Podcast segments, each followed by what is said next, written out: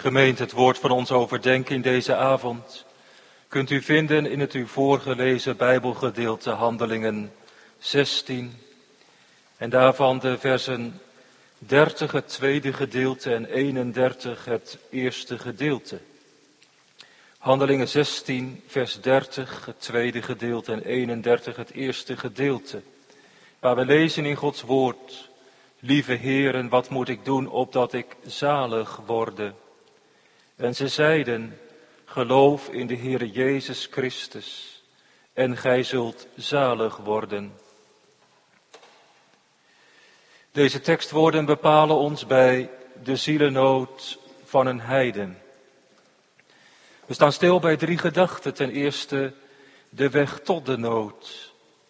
Ten tweede de vraag in de nood. En ten derde de redding uit de nood.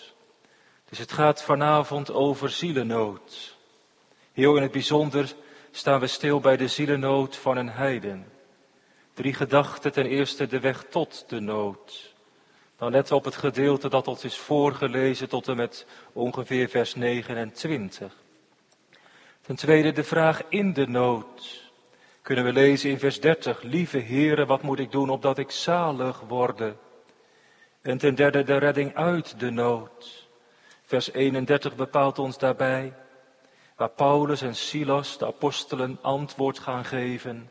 Geloof in de Heer Jezus Christus en gij zult zalig worden.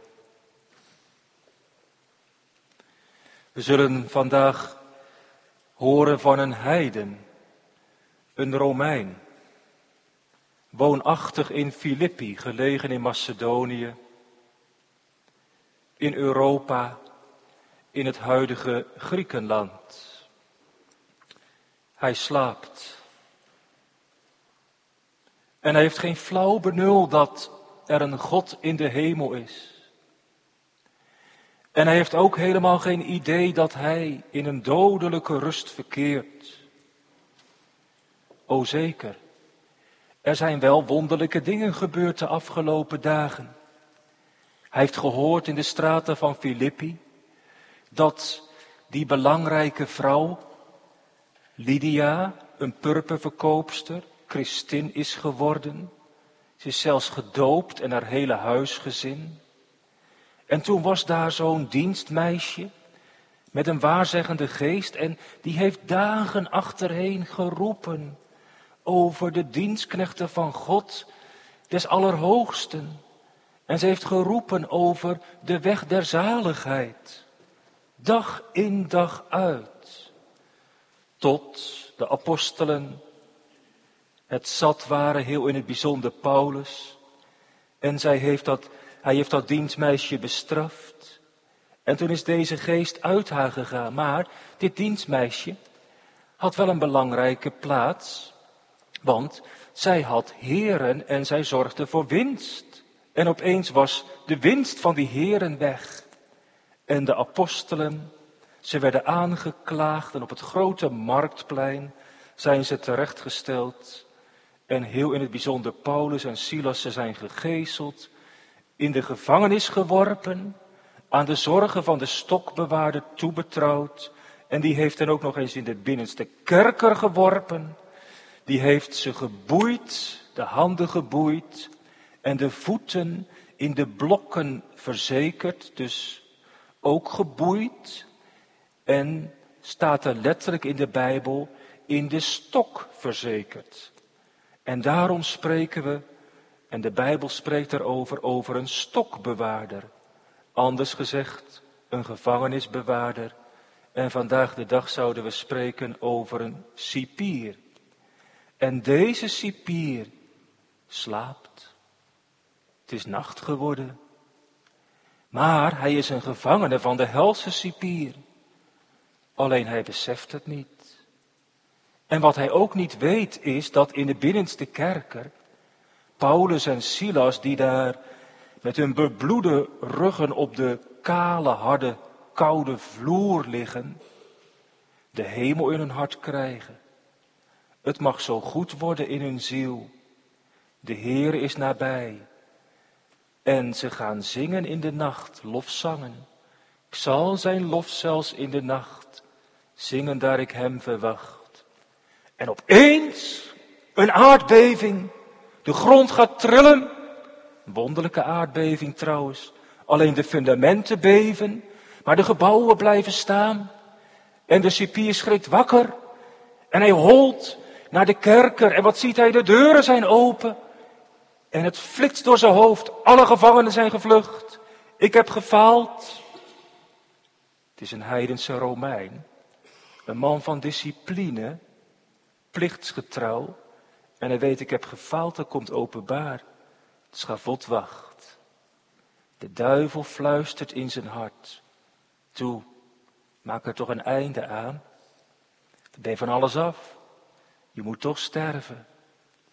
En wat doet deze cipier? Hij wil de eer aan zichzelf houden. En hij wil de hand aan zichzelf slaan. Hij pakt zijn zwaard. De punt van het zwaard is reeds gericht op zijn hart. En hij wil suïcide plegen, zo spreken we ervan.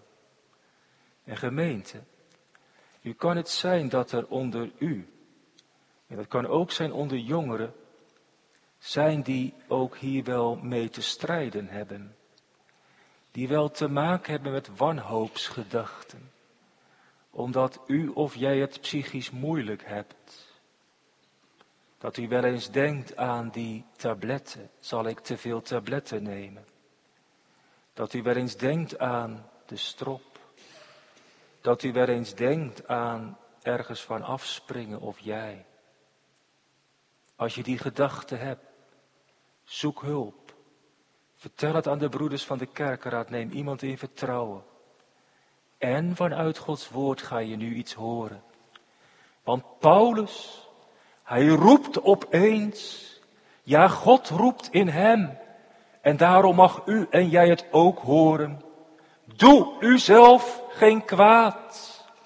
Wij zijn allen hier. En die man die zichzelf wil doden, hij vraagt aan zijn knechten, maak licht. En dan zijn er wat bedienden die waarschijnlijk met wat fakkels in dat onderaardse donkere hol komen. En wat ziet hij? Dan ziet hij alle gevangenen. En wie ziet hij daar staan? Paulus en Silas. En gemeente, wie ziet we erboven? God. God grijpt in. O, dit is een gekende des Heeren naar Gods welbehagen, een verkorene van eeuwigheid. Hij mag niet verloren gaan. Maar wat gebeurt er? Paulus heeft geroepen, doe uzelf geen kwaad, met het doel om hem tot inkeer te brengen. Maar op dat moment, als Paulus dat roept, komt die man tot zichzelf.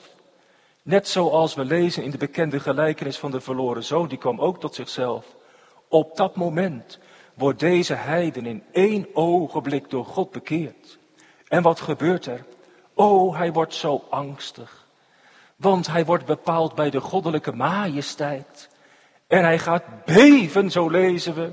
En hij valt voor de voeten neer van Paulus en Silas. Als een verloren smekeling, als een schuldige in zielsbenauwdheid. En gemeente, dat vinden we op andere plaatsen ook in Gods woord. Bijvoorbeeld Psalm 119, vers 120.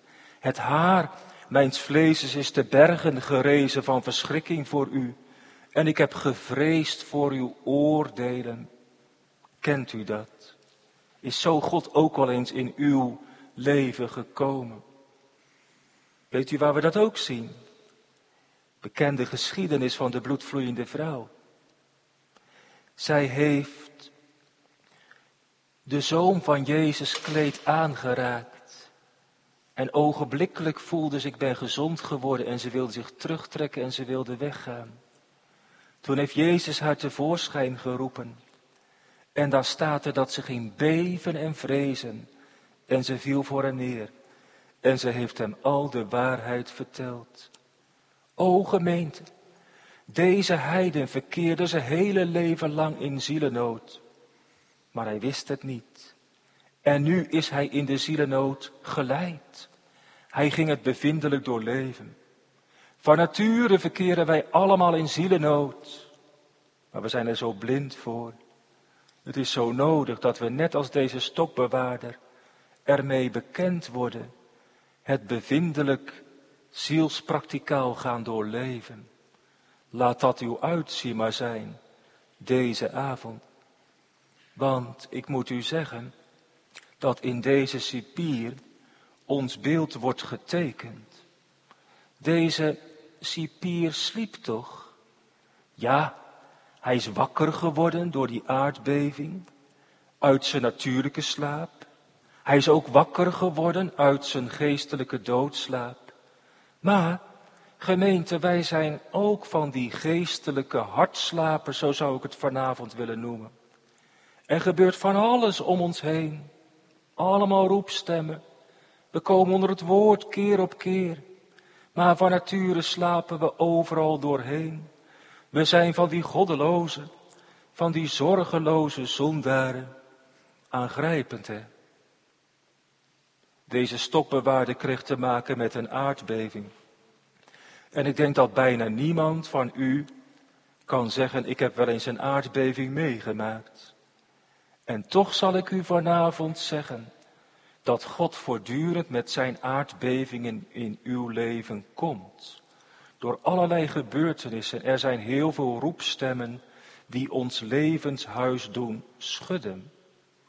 Denk alleen al eens aan die ernstige coronapandemie. Dan komt God, hoewel niet letterlijk, met zijn aardbeving in ons leven. En ons levenshuis schudt.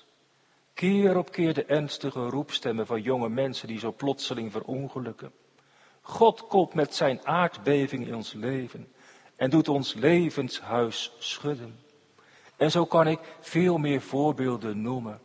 Een sterfgeval in uw eigen familie. Een knak in de gezondheid. En breid het maar uit. Zorgen in de relatie. Daarin spreekt God toch. Ontwaakt gij die slaapt en staat op uit de doden. En moet de Heere dan van ons klagen? Nochtans hebt gij u niet bekeerd. Deze stokbewaarder wilde zichzelf kwaad doen. En gemeente, wij doen onszelf voortdurend kwaad door de zonde. Kwaad, omdat wij dag in dag uit leven van nature zonder God. Keer op keer, iedere zondag wordt de wet des Heren voorgelezen, de tien geboden. En voortdurend overtreden wij al de tiende geboden, in gedachten, woorden en werken, maar ook in nalatigheid. Wij doen onszelf zoveel kwaad. Of je bent verslaafd alcohol, misschien wel bepaalde vormen van drugs, roken, dan beschadigen wij ons lichaam toch ook. Kwaad. Wij doen onszelf kwaad. Gebruik van de telefoon. Ook weet, je hebt hem nodig. Je kan hem eigenlijk niet meer missen. Maar waarom urenlang? Waarom al die appjes? Tijdverdrijf kostelijke genadetijd. Wij doen onszelf kwaad. Leden en doopleden van de gereformeerde gemeente. En nu moeten wij ons spiegelen aan het leven van een Romeinse heiden, die nooit had gehoord van God en zijn heilzame geboden. En deze cipier, hij werd daar plotseling neergeveld ten diepste door de geest die overtuigt van zonde, gerechtigheid en oordeel. Bent u ook al neergeveld door deze geest? De geest die overtuigt van zonde, gerechtigheid en oordeel. De geest der uitbranding. En dat kan, zoals het ging bij een Lydia. En dan zien we dat de Heer ook onderscheiden kan werken in de bekering. Lydia, daar ging het stil bedaard, haar hart werd geopend. Je zou kunnen zeggen, de zon der genade maakt haar hart week. En bij deze cipier als met een schok in een ontstellende benauwdheid. En toch gemeente, of het nou gaat als bij een Lydia, of bij deze stokbewaarder. De Heere schudt u wakker uit de doodslaap, uit de zondeslaap. En er komt een ontzaglijke nood, een zielennood. En dan ga je kermen, och Heer, och wierd mijn ziel door u gered. En gemeente, deze stokbewaarder ging dus beven. En hij viel neer voor de voeten van Paulus en Silas. Want hij kreeg te maken met de goddelijke majesteit in zijn leven. Zal ik dat eens duidelijk maken aan de hand van een voorbeeld? Zoals ik heb gehoord van een medebroeder, zendingsdeputaat, die een bezoek heeft gebracht in Papua. Hij zag er zo naar uit om een geestelijk gesprek te hebben met iemand van die mensen daar. Maar ja, je kan wel begrijpen, er is een enorme taalbarrière. En toen heeft hij mij verteld dat hij contact kreeg met iemand van die mensen daar in Papua. En dat was een gesprek met handen. En toen zei die man in Papua, toen ik God niet kende, was God hier. En ik was hier. Dus ik hou mijn hand een beetje hoog bij God. En ik was hier, dan hou ik mijn hand wat lager. Maar zei hij, toen God in mijn leven kwam, toen werd God hier. En nu hou ik mijn hand heel hoog. En ik kwam daar. En nu hou ik mijn hand heel laag. Voelt u gemeente? Dan wordt God zo hoog en majesteitelijk in je leven. En zelf word je nietig en broos. En je gaat doorleven, ik ben een groot zondaar. Dan ga je die ontzaglijke scheiding tussen God en je ziel doorleven, de enorme kloof die er geslagen is door de zonde. Kunt u deze Papua-man verstaan? Zomaar heel eenvoudig, in die enkele beweging die hij met zijn hand heeft gemaakt. Ik denk dat deze stokbewaarder hem kon verstaan. Hij ging beven en vrezen en hij viel plat voorover op de grond. Dat zie je toch ook bijvoorbeeld Saulus van Tarsen. Hem omscheen snellijk een licht. Hij werd geplaatst in de lichtglans van Gods deugden. En hij viel plat voorover, de grond. En gemeente, datzelfde woord. Hier, zoals dat gebruikt wordt, dat beven, dat vinden we ook in Handelingen 7. In die lange reden van Stefanus. En op een gegeven moment heeft Stefanus het dan over Mozes bij de brandende braambos. Daar openbaart de Heer zich als de verbond Jehovah, de ik zal zijn die ik zijn zal. En dan lezen we in dat Grieks hetzelfde woord, Mozes ging beven. Daar heb je het. En van datzelfde beven vinden we bij de stokbewaarder in de nacht. En zo hoorden we over de weg tot de nood. We gaan naar onze tweede gedachte, de vraag in de nood. Waar maakte de stokbewaarder zich zorgen om? Om die gevangenen. Want hij dacht de gevangenen zijn gevlucht. Maar dat bleek niet zo te zijn. En dan lezen we dat er een andere zorg in zijn leven is gekomen. En het schiet opeens door zijn ziel. Ja, wat heeft dat dienstmeisje ook alweer geroepen? Dienstknechten van God des Allerhoogste. Wat heeft ze ook al nog meer geroepen? De weg der zaligheid. En gemeente, ziet u hem voor u in dat beven, in dat vallen voor de apostelen. Is er nog, o groot ontfermer? Is er voor een nare kermen, voor een schreien nog gehoor? Is er nog een open oor? En wat doet hij dan? Dat lezen we in het begin van vers 30. Hij brengt de apostelen Paulus en Silas naar buiten. En de kanttekening wijst erop, namelijk uit de binnenste kerker in zijn huis. Dus hij brengt ze zeer waarschijnlijk in zijn eigen woning gebouwd boven de gevangenis. En dan gaat hij iets wonderlijks zeggen. Lieve heren. En kijk eens mee in uw Bijbeltje gemeente. De Statenvertalers, die hebben het woordje lieve eraan toegevoegd. Hoe weet ik dat? Dat staat schuin gedrukt. Dus in het oorspronkelijke, als we dat letterlijk zouden vertalen, dan staat dat woordje lieve er niet bij. Waarom zouden ze dat gedaan hebben? Wel omdat de statenvertalers diep inzicht hadden in hoe de Heere werkt.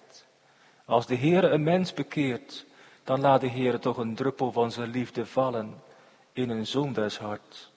En dan komt de wederliefde. Deze stokbewaarder, hij kreeg een liefdesbetrekking op Gods knechten. En daarom ging het zeggen, lieve heren, want zij zijn toch de knechten van de Allerhoogste. O, eerst boog hij voor de afgoden. En nu lag hij niet om afgoderij te bedrijven voor hen in het stof. Eerst heeft hij hen naar beneden getrapt. En daar in de laagte, daar heeft hij hen verzekerd in de stok. En nu hoor je in dit woord zomaar hoogachting. Je hoort hierin ook van ik ben ongelukkig. Jullie zijn gelukkig. Je hoort hier iets in van ik ben zo jaloers op jullie geluk. Jullie hebben de vrede. Kent u dat ook? En gemeente, dat zijn kenmerken van het beginnende nieuwe leven. En ik stel vanavond zomaar wat vragen. En wat zegt hij nog meer? Lieve heren, wat moet ik doen opdat ik zalig worde? En gemeente, daar kom je ook tegen in de gebieden waar vanuit de zending men werkzaam is. Ik ben zelf twee keer als zendingsdeputaat in Nigeria geweest. En ik weet nog, bij het eerste bezoek kwam ik voor de bidstond die gehouden werd de dag voor de generale synode een man tegen. En die vroeg mij, kent u dominee Zonneveld? Ja, die kende ik wel. Ik zeg, maar waarom vraagt u dat? Hij zegt, dat is mijn geestelijke vader geworden. Want onder zijn preken ging ik inzien dat ik in de ontzaglijke duisternis leefde. Maar de Heere heeft ook zijn preken willen gebruiken. Dat ik hem mocht leren kennen die het gezegd heeft. Ik ben het licht der wereld. Ik heb Christus als zaligmaker mogen leren kennen. En wat voelde je gemeente zomaar in die enkele zin die deze man sprak? Hij kreeg liefde tot Gods knecht. Want de Heer had dominee Zonneveld in zijn leven willen gebruiken. Enerzijds om hen te ontdekken aan wie hij was als zondaar in zijn ellendige bestaan maar ook in de prediking te mogen wijzen op Christus, ellende, verlossing, dankbaarheid. En daar kom je tegen bij de zending. Ik heb het verschillende malen zomaar in de gesprekken gemerkt. En dat geeft zo'n band. Ook met bijvoorbeeld de Nigerianen als je ze spreekt. En gemeente, dan hoor je zomaar datzelfde bij deze stokbewaarder. Lieve heren. Hij kreeg zo'n band met Gods knechten. Maar wat heeft hij nog meer gezegd? Ik heb het al even genoemd. Wat moet ik doen opdat ik zalig worden? Tot twee keer toe, jongens en meisjes, hoor je hier het woordje ik. Daar ligt hij als een neergeveld mens. En als de Heer een mens bekeert, wat ga je dan zien? Ga je dan in één ogenblik de Heer Jezus omarmen als je zaligmaker? Nee. Hoewel velen dat wel denken in toenemende mate in deze tijd. Maar gemeente, zo werkt de Heer niet. Als God een mens bekeert, dan geeft hij als eerste kennis aan de grote ellende. En dat hoor je toch hier zomaar komen uit de mond van deze cipier. Wat moet ik doen opdat ik zalig worde? Weet u wat hij doorleeft? Ik ben rampzalig. Maar misschien zeg je, hoe weet u dat? Dat staat er toch niet? Ja, gemeente, hij zegt, wat moet ik doen omdat ik zalig word? En daarin hoor je, ik ben niet zalig. Hoe word ik zalig? Bij mij is precies het tegenovergestelde te zien. Ik ben rampzalig. Ik ben verloren. Ik lig onder de vloek van de wet. Ik heb te maken met de toorn van de rechter. Ik verkeer in de macht van de zonde en van de Satan. Ja, ik doe alleen maar hemeltergende misdaden. En ik ben strafwaardig. Verloren, verloren. Ik wou vluchten, maar kon nergens heen, zodat mijn dood voorhanden scheen. Wat moet ik doen opdat ik zalig worde? Wat moet ik doen? Je hoort hier in deze woorden dat deze man een ontwaakte, overtuigde zondaar is. Ontdekt door de geest die overtuigt van zonde, gerechtigheid en oordeel. En letterlijk gemeente, als hij zegt wat moet ik doen, dan staat er wat is nodig om te doen. En ik zou verschillende Bijbelgedeelten kunnen aanhalen als bewijs dat we deze vraag als een rode draad in Gods woord tegenkomen. Maar omwille van de tijd wil ik dat vanavond maar nalaten. Maar wat hoor je hierin? Als de Heer altijd toewerkt op het stellen van deze vraag in de ziel, dat de Heer toewerkt naar de doorleving van wanhoop. En gemeente, tegelijkertijd haast ik mij om te zeggen, een heilzame wanhoop. Want een mens gaat dan doorleven, ik ben onmachtig om mij te verlossen. Wat moet ik doen opdat ik zalig word? O, deze man brengt dus de nacht door met klagen. En dat kom je tegen. Dat kom je tegen bij de blinde heidenen. Maar je komt het ook tegen bij de moderne heidenen als de Heer bijvoorbeeld in Nederland in het hart gaat werken. Ik ken een vrouw, gemeente. Zij was niet gedoopt. Zij leefde midden in de wereld. Ze ging nooit naar de kerk. In 2004 zat ze met kerst achter de televisie. En toen zag ze de beelden van het tsunami, een zeebeving. En ze heeft mezelf verteld, toen kwam God met zijn tsunami in mijn leven. Ze werd zo onrustig. Wat moet ik doen opdat ik zalig word? En ze ging naar die kerk. Ze ging naar een andere kerk. Maar niet naar de gereformeerde gemeente, want daar moest je een hoedje op. Maar haar hart werd niet verklaard.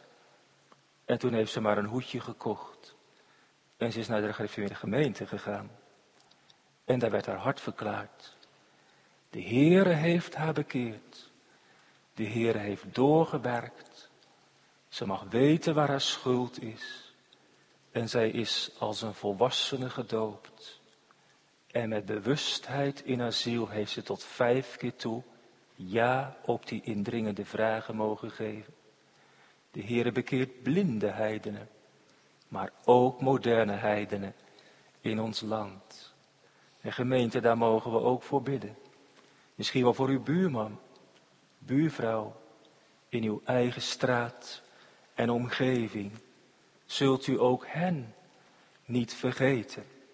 Wat moet ik doen opdat ik zalig worde? Wat hoor je hierin? Hierin hoor je een geweldige zorg die in het hart is gekomen. Heren, ik ben niet zalig, ik ben rampzalig. Ik moet toch gered worden. Wat moet ik doen opdat ik zalig word? O gemeente. Als ik u zo zie zitten, ik ken u niet allemaal persoonlijk, nee. Maar we hebben allemaal vragen. Maar nu gaat het vanavond om de meest belangrijke levensvraag. Die kan echt niemand missen. Deze vraag moet u stellen. Deze vraag moet jij stellen. En dan niet zomaar een enkele keer. Maar dit moet een opgebonden levensvraag worden. Als het nog nooit is gebeurd, wat moet ik doen opdat ik zalig word? Eigenlijk hoor je hierin, is er een middel om de welverdiende straf te kunnen ontgaan en wederom tot genade te komen. Wat moet ik doen opdat ik zalig word? Wat is eigenlijk zalig worden? De catechizanten weten het wel. Dan wil ik dat uitleggen aan de hand van het bekende antwoord van dominee Hellenbroek. Zalig worden is verlossen van het grootste kwaad. en brengen tot het hoogste goed. Wat is het grootste kwaad? Zojuist heb ik al gewezen op het godsgemis. Zo heeft God ons niet geschapen. Maar wij zijn van God moedwillig en vrijwillig afgevallen en de duivel toegevallen.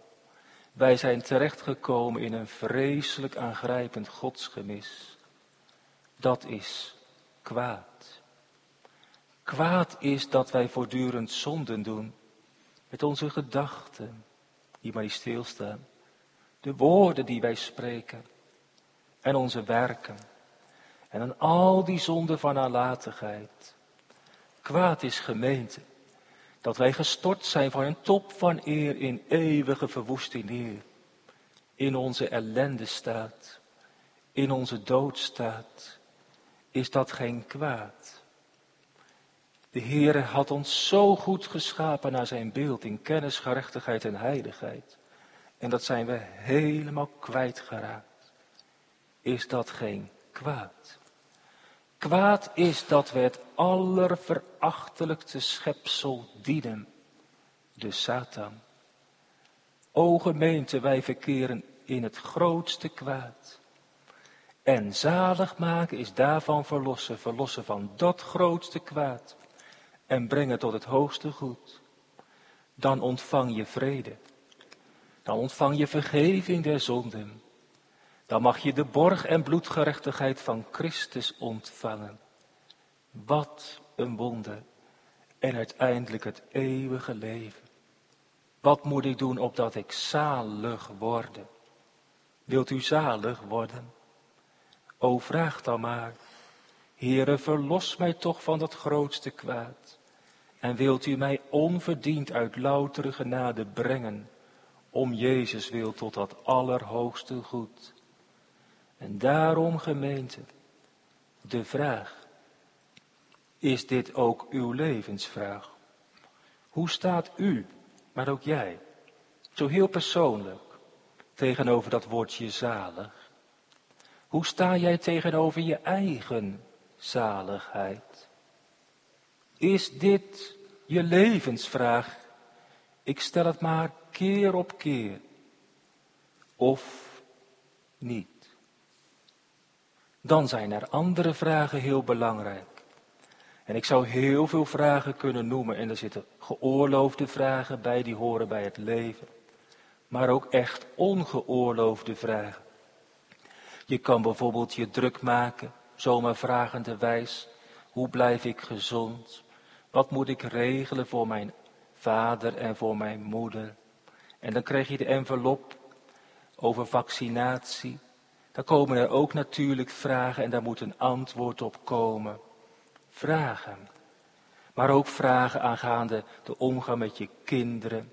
Vragen die de relatie meemaken. Dat kan zijn in je huwelijk, maar dat kan ook zijn tussen jongen en meisje. Of als je misschien gezakt bent voor je examen.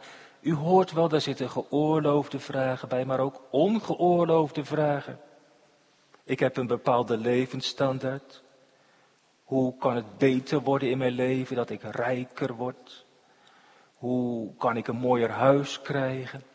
En gemeente, je mag natuurlijk wel een mooier huis kopen, maar wat ligt aan de bron van al die vragen, voelt u? Vragen.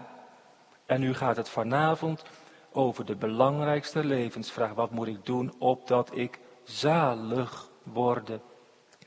En als deze vraag niet leeft, dan moet ik in alle ernst u vanavond verkondigen, dan hebben we een slapend hart.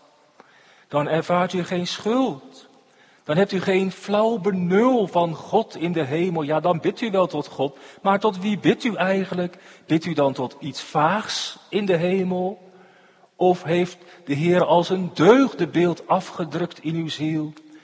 Bent u al gaan leren dat Hij de heilige God is, dat Hij de volzalige God is, de majesteitelijke God, dat Hij de rechtvaardige God is? O gemeente, en als je daar blind voor bent, dan ben je een ongelukkig mens. En daarom, het gaat vanavond over de belangrijkste levensvraag. En misschien is deze vraag in uw leven de allesbeheersende vraag geworden. Wat moet ik doen opdat ik zalig word? Alles wat je tot een last was. Daarin zit nu heel veel wat je tot een lust gaat worden.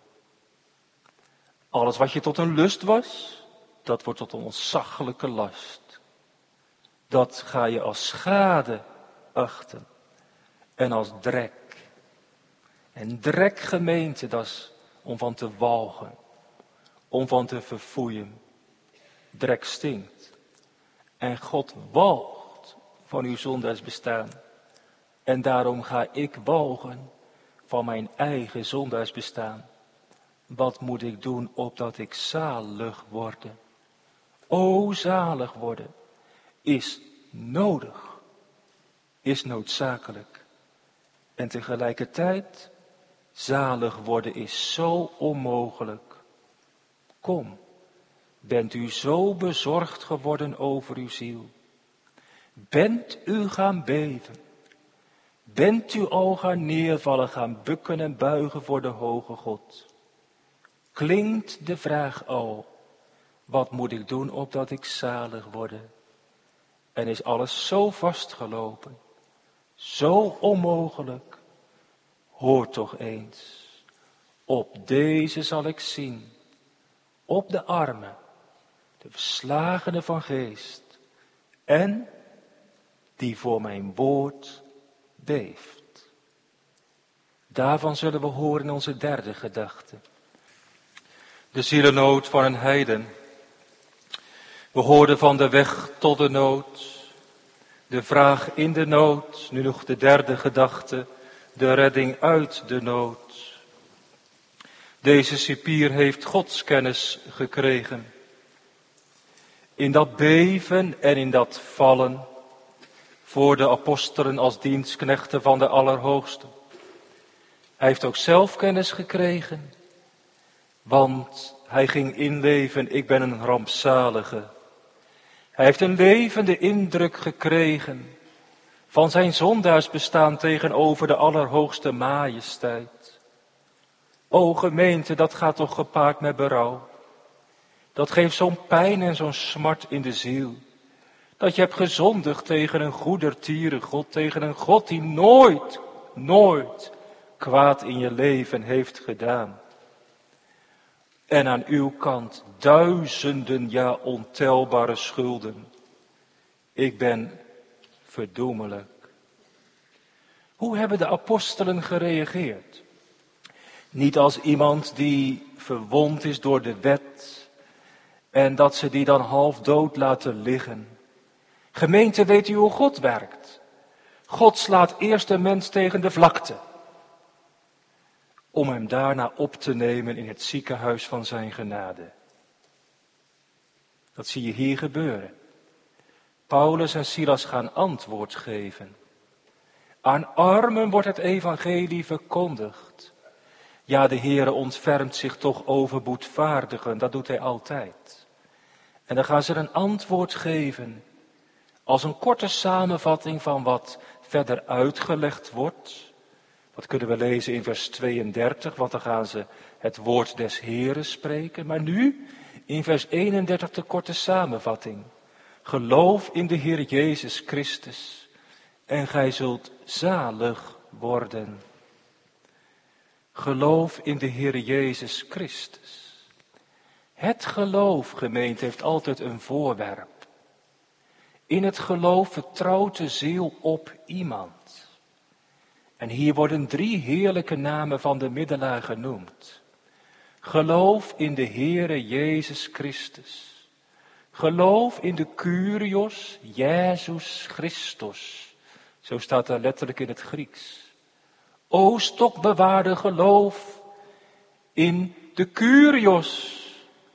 En dat is niet de keizer die zich zo laat noemen en zo laat vereren.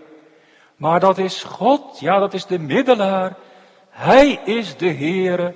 Het is de eretitel van Hem als de verhoogde middelaar. Hij regeert van de zee tot aan de einden der aarde. Hij heeft het gezegd, mij is gegeven alle macht in de hemel en op de aarde. En gemeente, wij weten toch dat Thomas het heeft gezegd, mijn Heere en mijn God. Ja, geloof ook in Jezus. Zijn naam is zaligmaker. Zijn naam is verlosser, behouder, redder. Hij heeft tijdens zijn omwandeling op aarde het eisend recht van zijn vader, daar heeft hij aan betaald. Hij heeft daaraan voldaan. Hij heeft de wet vervuld in dadelijke en leidelijke gehoorzaamheid. Deze Jezus heeft met een doornenkroon op zijn hoofd, waar hij bespot en besmaad werd, door de omstanders gehangen aan het vloekhout des kruises. Hij heeft het klagend uitgeroepen, Eloi, Eloi, lama sabachthani. Mijn God, mijn God, waarom hebt ge mij verlaten? Maar hij heeft het ook uitgeroepen, deze Jezus. Het is volbracht. O gemeente, en dat voor diep schuldige zondaren, die zelf hebben verdiend om aan het kruis gehangen te worden. Ik voor u, daar gij anders de eeuwige dood had moeten sterven. Geloof in de Heere Jezus Christus. O stokbewaarder, je hebt altijd onderwijs gehad. Je bent opgeleid daar in de militaire dienst. Maar nu, je weet toch de weg niet meer. Je bent een dwaas. Ik verkondig je een andere leermeester. Ik verkondig je de hoogste profeet. Stokbewaarder, je hebt altijd afgoden gediend. Je hebt offers gebracht voor de afgoden, zelfs voor de keizer. Maar nu mag ik je wijzen op de enige hoge priester. Hij heeft zijn leven afgelegd voor zondaren. Hij is de offerande en de toepassing van zijn bloed. Dat is tot reiniging van je zonden, tot vergeving van je schuld. Hij is ook de eeuwige koning, stokbewaarder, je dient toch de keizer. Maar nu mag ik je wijzen op de koning der koningen. En de grote naam van de keizer verbleekt bij deze naam. O gemeente, wat een dierbare namen. Wat ligt er een heerlijkheid verklaard in deze namen. Kom kinderen des Heeren, gaat er nu niet tintelen in de ziel. Geloof in de Heer Jezus Christus. De kennis aan deze namen is zo alles beslissend op reis naar de eeuwigheid. Geloof. Misschien zegt u, dit klinkt als een bevel. Maar een mens kan toch van zichzelf niet geloven? Een mens is toch onmachtig? Dat is waar. Een mens kan geen stap zetten richting God. En dan zeg ik er ook nog bij dat de mens ook nog eens onwillig is. En toch gemeente geloof. Als een bevel. Het rust op ieder mens. De plicht rust op u, op jou en op mij. De Heere vraagt dat van ons. Geloof. En tegelijkertijd wat de Heere beveelt, dat wil Hij schenken als een gave van God. Want de Heilige Geest werkt het geloof. De Heilige Geest schenkt het geloof. En de Heilige Geest werkt toch het onmogelijke in de ziel. Het geloof is door het gehoor en het gehoor door het woord Gods. En nu zit u vanavond onder de verkondiging van het woord van God. Op de beste plek van scherpe ziel. In de werkplaats van de Heilige Geest. Hier wil de Heer het geloof schenken voor het eerst. Hier wil de Heer geloofsoefeningen uitwerken in de ziel. En dan valt toch iets op, gemeente. Dat de apostelen niet zomaar oppervlakkig deze boodschap aan allen hebben gebracht. Want ze hebben dat bijvoorbeeld niet gezegd tegen dat roepende dienstmeisje. En de Heer Jezus heeft dit woord bijvoorbeeld ook niet gezegd tegen de rijke jongeling. Die kreeg een ander antwoord. Dus wat zien we? De apostelen hebben als wijze zielkundigen aan deze stokbewaarder, die als een neergevelde zondaar daar aan hun voeten lag, dit woord gesproken, een woord op zijn tijd, een gouden appel in een zilveren gebeelde schuil. Hoe is het? Een rijke Christus en een rijke zondaar, passen die bij elkaar? Nee toch? Maar een rijke Christus en een arme zondaar, die passen precies bij elkaar. En hier vinden we een arme zondaar. Bent u ook zo'n arme zondaar? O, hoor dan toch vanavond. Geloof in de Heer Jezus Christus. Dit vinden we trouwens ook uitgewerkt in de Dordtse leerregels, hoofdstuk 2, paragraaf 5. Heel kort. Voorts is de belofte des evangelies dat een iegelijk die in de gekruisigde Christus gelooft, niet verderven, maar het eeuwige leven hebben.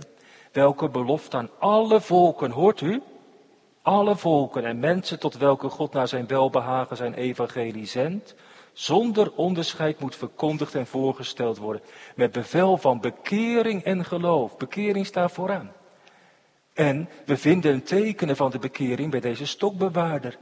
In dat beven, in dat vallen voor de voeten van de apostelen als dienstknechten van de Allerhoogste.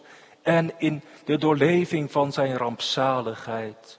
Gemeente de apostelen, ze hebben hier gesproken zoals Jezus het mocht doen. De Heere, Heere heeft mij een tong der geleerden gegeven, opdat ik met de moeder een woord ter rechte tijd spreken.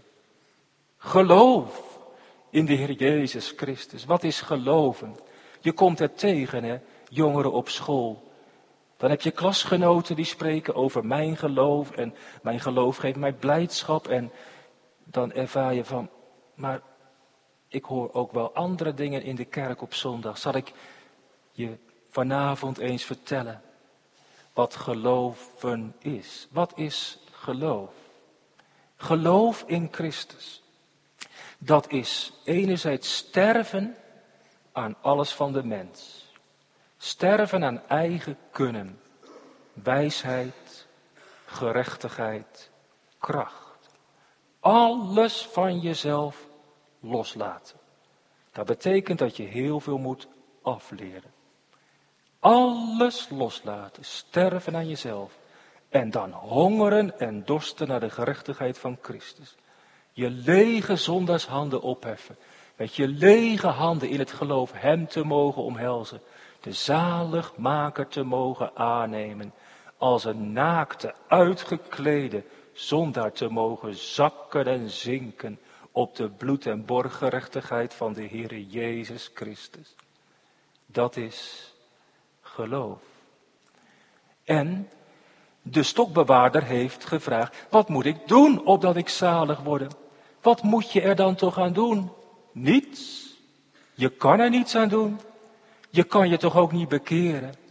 En je hoeft er ook niets aan te doen. Want gemeente, de Heer Jezus Christus is een volkomen zaligmaker. Christus heeft alles gedaan.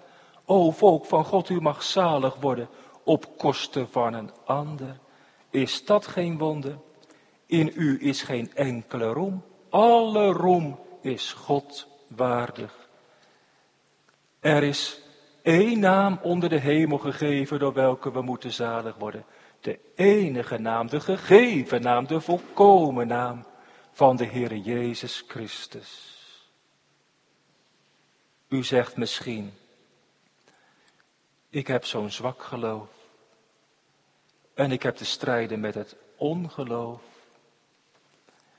En ik heb te weinig berouw. Dat gaat niet diep genoeg. Maar de vraag is niet wat in u te vinden is.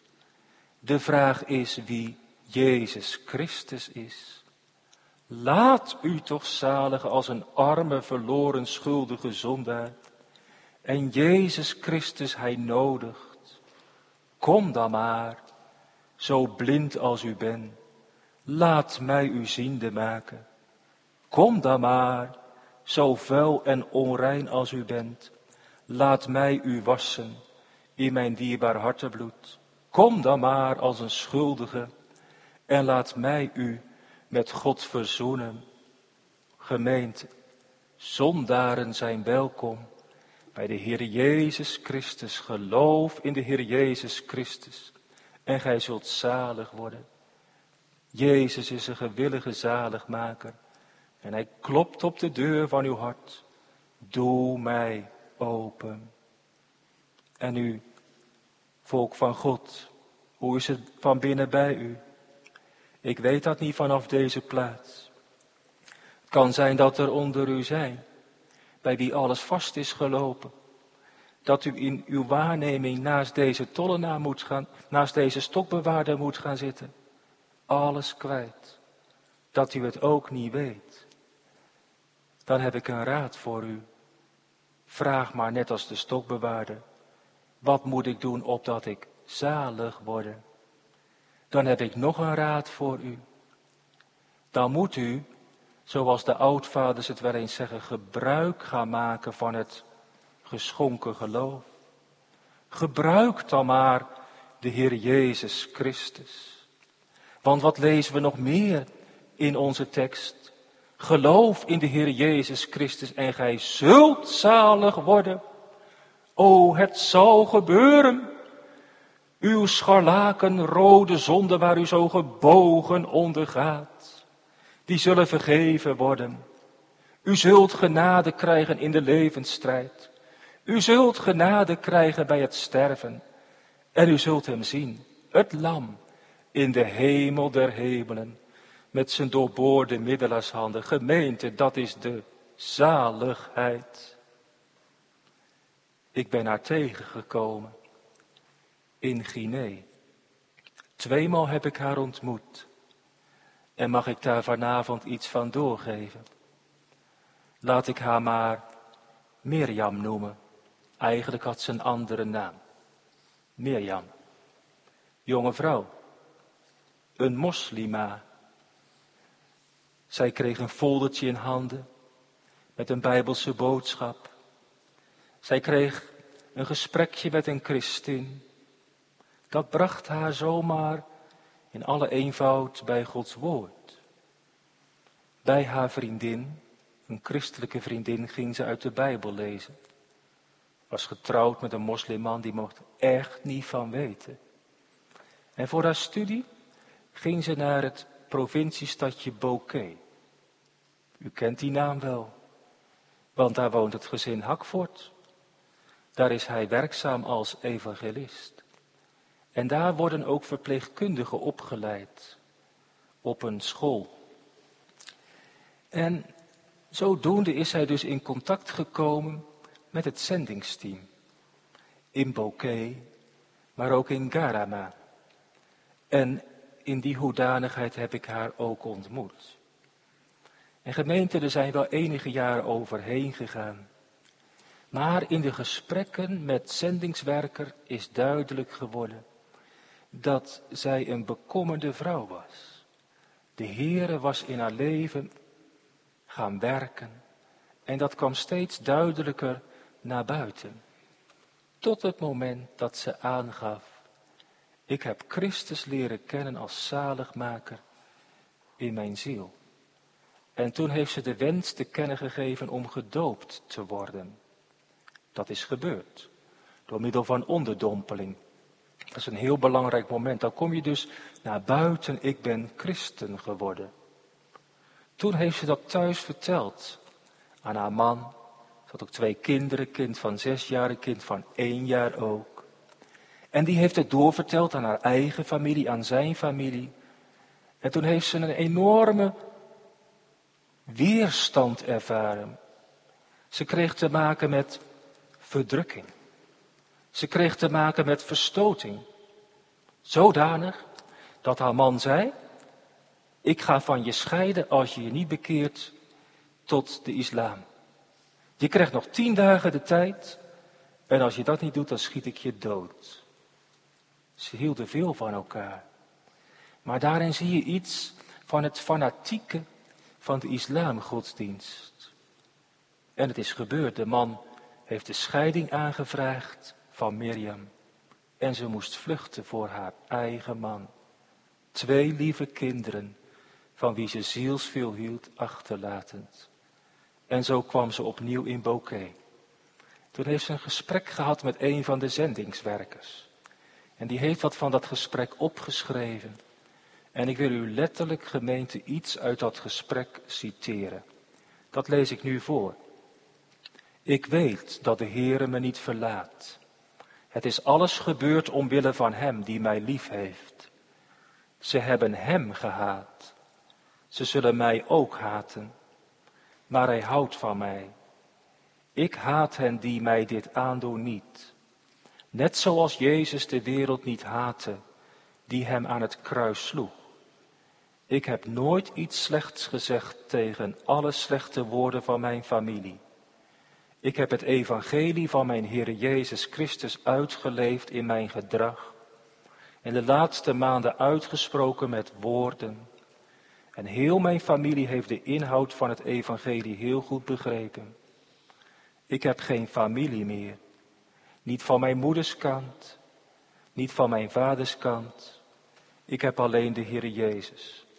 Ik leef wel in deze wereld, maar ik ben niet meer het eigendom van deze wereld. Dat is wat, hè. Dat is wat. En wat er precies gebeurd is, gemeente, toen is ze even uit het oog verloren van het zendingsteam. Maar ze is toch weer teruggekomen bij haar eerste man. Die heeft haar als bijvrouw in het gezin opgenomen. Ze is zwanger geworden. Dat mocht natuurlijk bijbels, want die echtscheidingsgrond was bijbels niet geoorloofd. En toen kregen mensen van het zendingsteam dat te horen. Zij is bevallen. Die bevalling is gecompliceerd verlopen door middel van een keizersnee. En twee weken later is ze gestorven. De familie heeft bezoek van christelijke mensen en vrienden en vriendinnen tegengehouden. En dezelfde dag van haar overlijden is zij begraven vanuit een moskee. Mirjam, door God opgezocht, een leven door lijden getekend. En nu, bevrijd van smaad, van verstoting, van vervolging en van haar geld dat zij al in de gelukzaligheid mag zijn. En daar mag ze God drie enig de lof toebrengen die hem toekomt. O gemeente, dan staren we toch deze jonge vrouw met jaloersheid na. Laten we nog even kort stilstaan bij de bijzondere leiding van de Here. Deze apostelen kwamen uit Azië. Ze zijn gekomen in Filippi, Europa, een ander werelddeel. Daar hebben ze meegemaakt dat een meisje hen voortdurend achterna riep. Ze zijn gegezeld. Ze zijn in de gevangenis geworpen. Ze zijn in de binnenste kerker geworpen. Ze hebben een aardbeving meegemaakt. En dat allemaal om een zondaar te bekeren een gegevene des vaders. Gods welbehagen, Gods raad wordt volvoerd. Zijn knechten, het woord, wordt gebracht bij zondaren. En dat gebeurt in het zendingswerk. Zult u gemeente voor het zendingswerk bidden? En nu, u bent gekomen onder het woord en laat het ons uitzien zijn of de Heer dezelfde zegen uit enkele genade zou willen schenken. De genade trompet mag ik vanavond nog aan de mond zetten. En de nodiging komt tot u allen. Wend u naar mij toe en wordt behouden. Alle gij einden der aarde, want ik ben God en niemand meer. O gemeente, we zijn toch allemaal zondaren. Laat u toch zaligen en veracht deze nodiging niet. Ik zie ook jongens zitten. En tegelijkertijd spreek ik ook de ouderen aan. We leven in een wereld die trekt en die zuigt. En daarom ter afsluiting een vraag.